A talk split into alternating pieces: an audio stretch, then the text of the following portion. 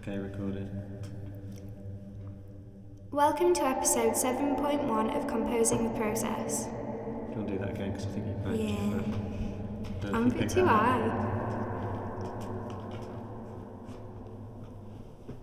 I don't think it. Oh no, don't do that because now you're like further away from the microphone. That's, that's that looks good. Yeah. Is he still recording? You still recording? Yeah, okay. Welcome to episode 7.1 of Composing with Process. Computational processes allow the composer and also the performer and listener to engage with levels of change in music and their interplay in a new way. In this episode, we aim to explore how artists working with generative systems conceive of, control, and implement change in their works, and how our understanding of the relationship between music and change or music as change is itself addressed by composers using generative techniques. Change plays a central role in music. It is impossible to imagine any music that does not change over time. Music develops into different phases, has a temporal structure of one sort or another. Even a sustained waveform changes in some respect throughout its duration. However, when we talk of change in music, what is it that we are actually drawing attention to? What is change in music?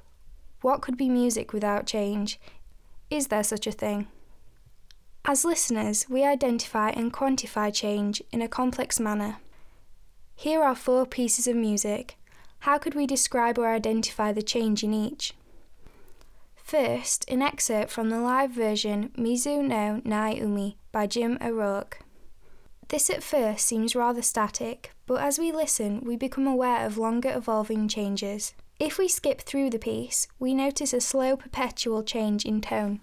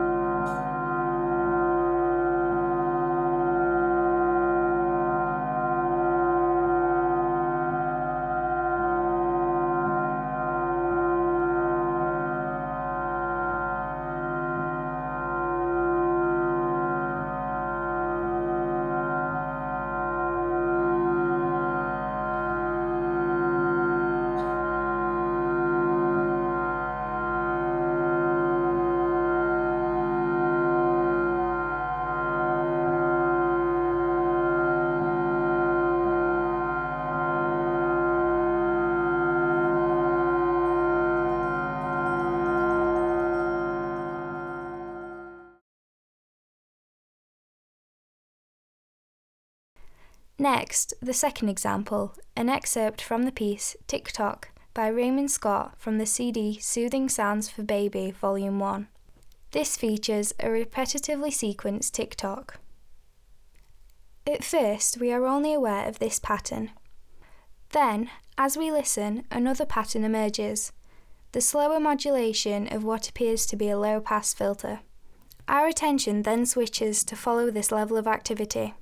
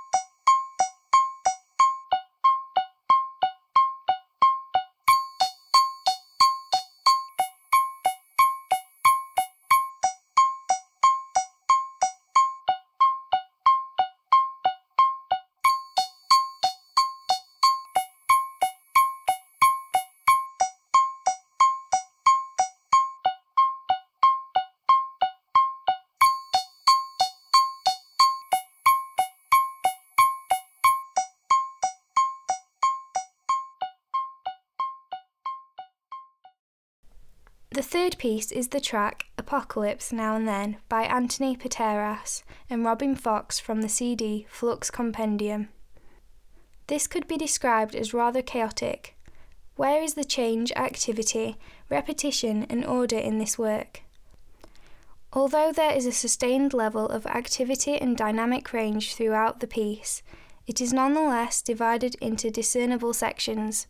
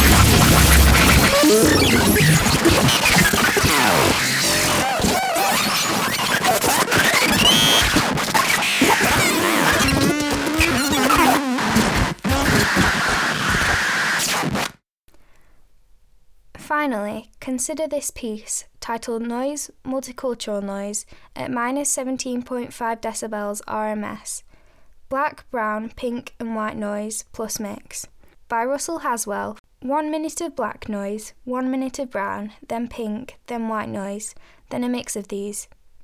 Here we might first identify four points of change, the switch from each colour of noise into the mix. But what about the noise itself? Isn't this the audible result of lots of random voltage changes?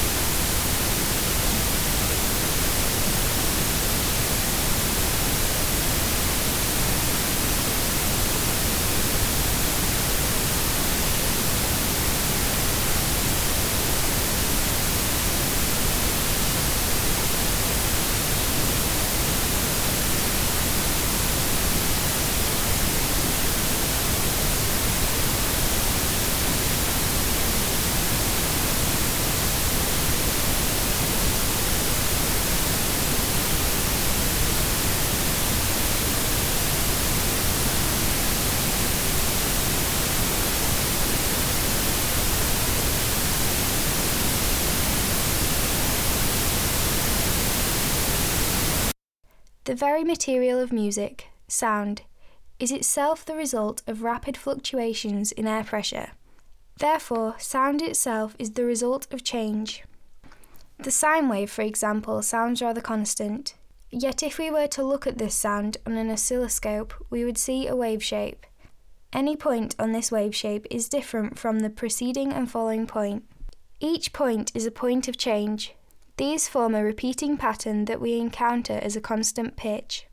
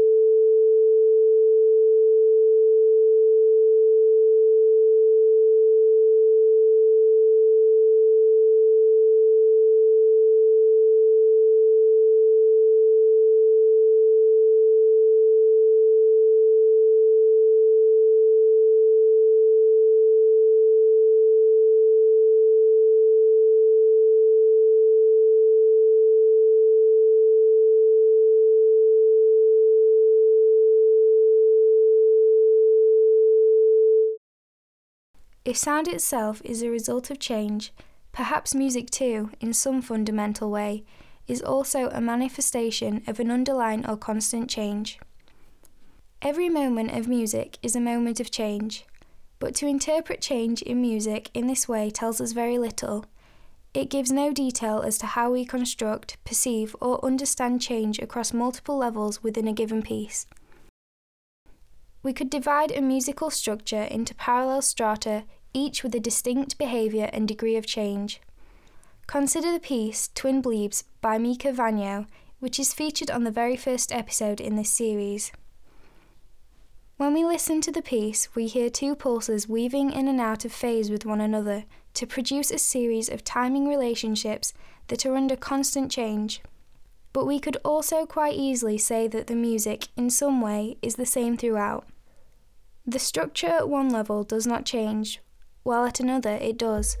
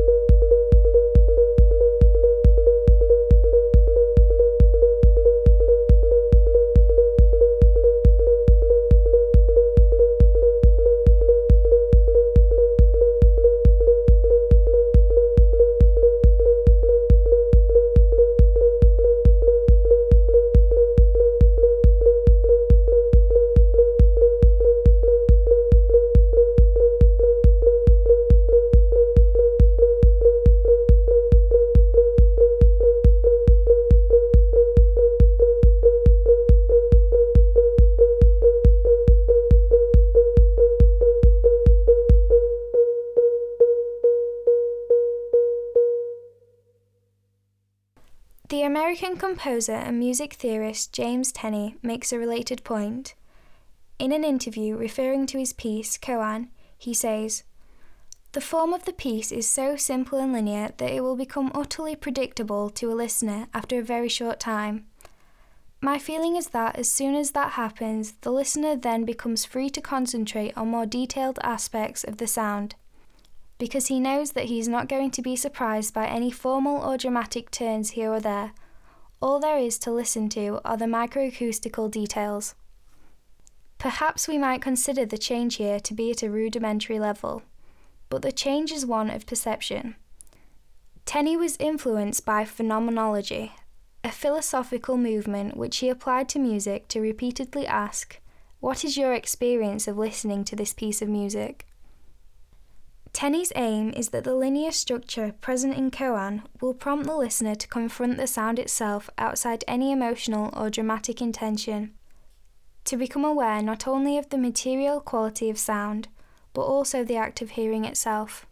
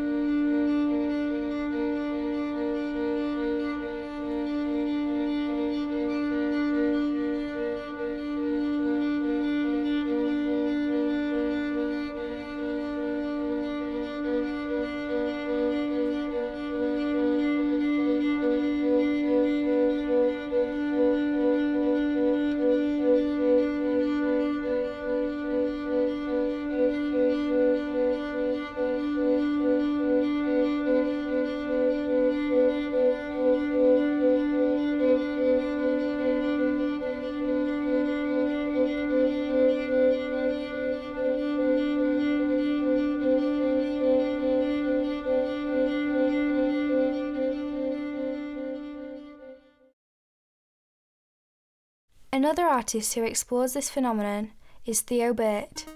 He suggests what seemed like change when it was occurring very slowly may not seem like change when the same structure occurs over a shorter period of time. For example, slow random modulations may sound like a relatively static noise when sped up. In Burt's 2012 series, which he refers to as tiling sessions, emphasis is given to this perceptual shift. Here, a computer system works in real time to tessellate sets of isometric tiles which are displayed on screen. Each tile also produces a sound when laid.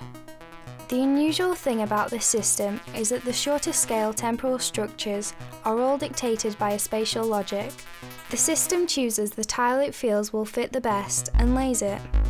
The definition of what is best is set by a series of parameters, and by changing these parameters, the structures produced by the system vary wildly.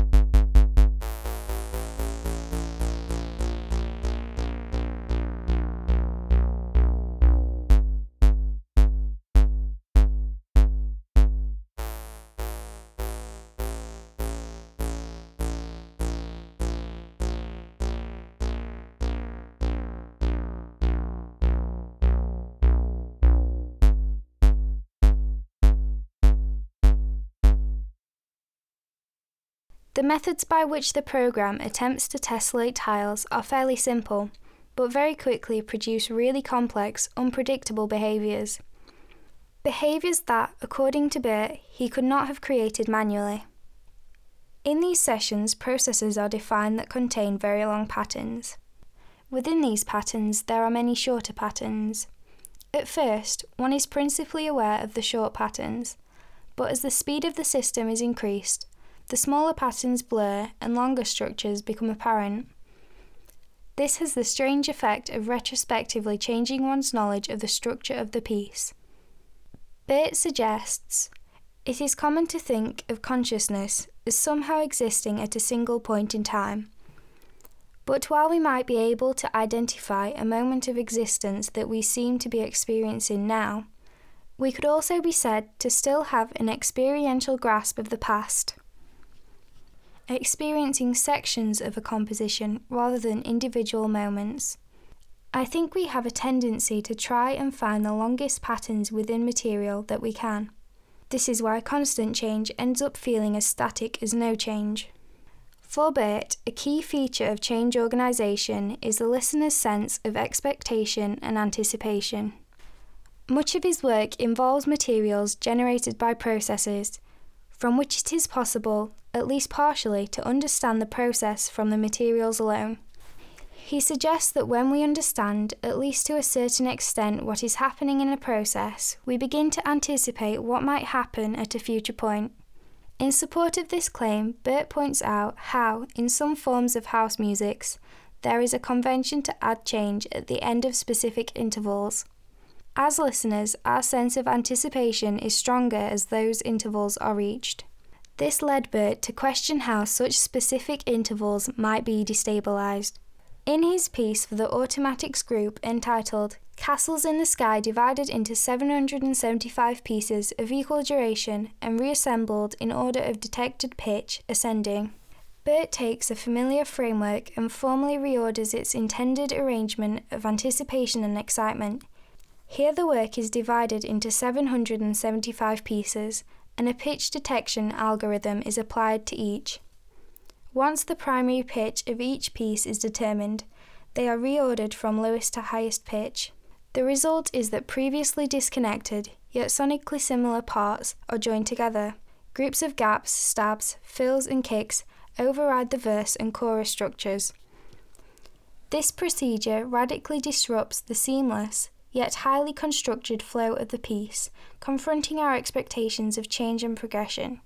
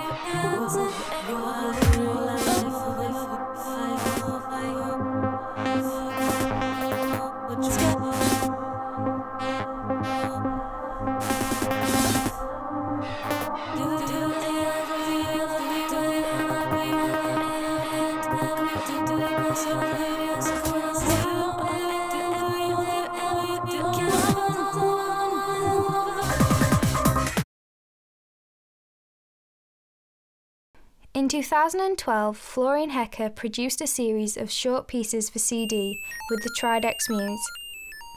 This is a very rare and rather unusual machine developed by Edward Fredkin and Marvin Minsky, patented in 1971. Described by the inventors as a relatively simple apparatus which nonetheless automatically generates relatively pleasing music. The Muse was a response to an increased interest in methods for generating music synthetically, whereby the details of note sequences were provided by the machine. The Muse aimed to provide a simple and robust alternative to the large scale computer systems needed to run such programs. The patent states that considerable effort has been expended in analysing various types of music and in attempting to determine the requisites for pleasing music. These requisites have then been incorporated into the music composing program in keeping with various statistical methods and approaches. The present invention utilizes an understanding or appreciation that a very high degree of randomness is not necessary, but rather it is preferable to generate logical sequences of notes or musical sounds having a very long period of repetition. The sound synthesis capabilities of the Muse are quite limited, and Hecker's exploration of the machine focuses on its note generating procedures, which follow a complex logic as opposed to random method. This produces a certain amount and kind of change, which, as mentioned in the patent, have long periods of repetition. The change here is at the level of clusters of notes, which repeat with little or no perceived change. Track 18, which we will hear in a moment, is six and a half minutes long and contains shorter divisions. For example, at 18 to 34 seconds, a dramatic change occurs. At 1 minute 27 seconds, a pitch change. Again at 4 minutes 5 seconds, there is a noticeable change. Here, such changes are brought about manually by the operator, in this case Hecker, as, in his own words, a matter of intuition or curiosity the consequences of his real time manipulation and exploration of the device's note generating capabilities. Here we observe automation simultaneously producing change at one level and repetition at another. Manual control takes over at this other level to provide non automated, lengthier levels of change and progression.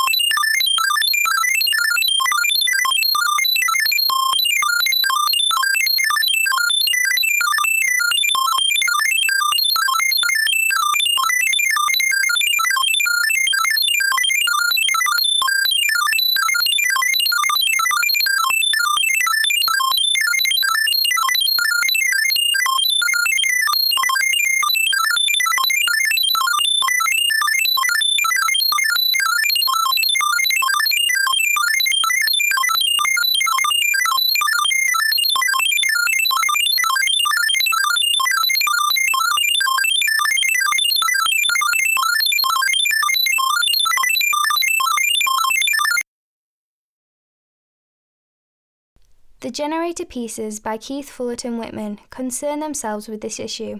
Here, complex analog patches are constructed that not only create repeating and evolving patterns, but also incur, in some cases with no human intervention, longer levels of change.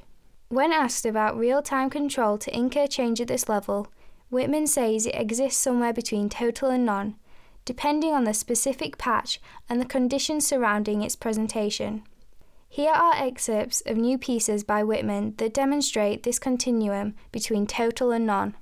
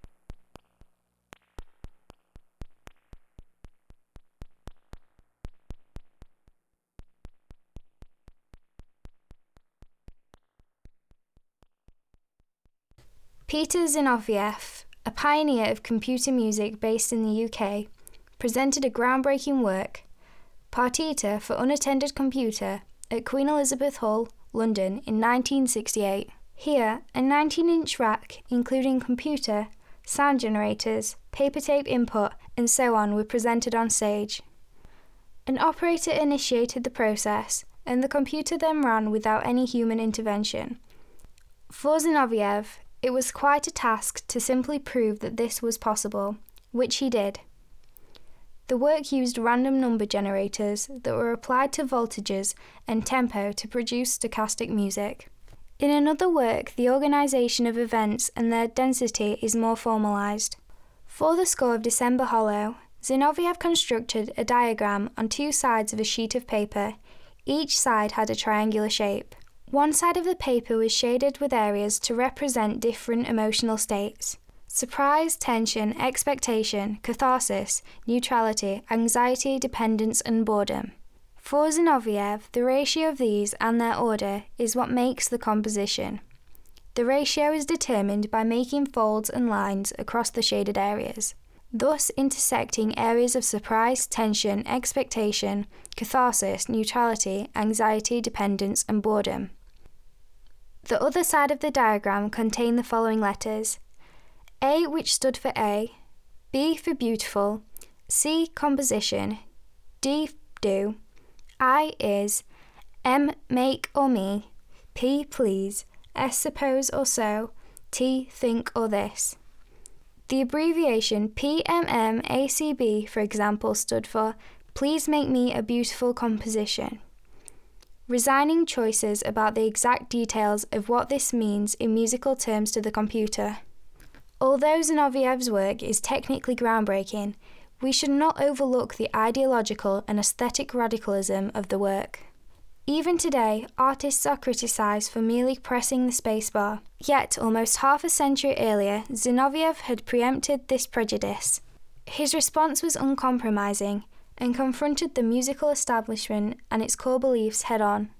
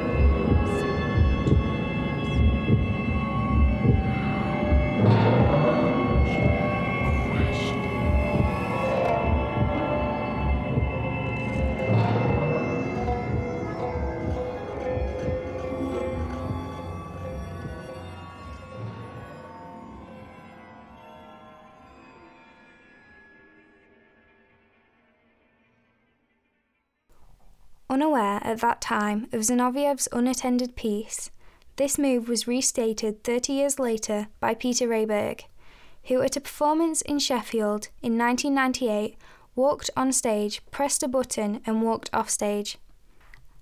Actually, as Peter Rehberg is eager to point out, it was two buttons, whatever it was to execute a Super Collider patch in those days.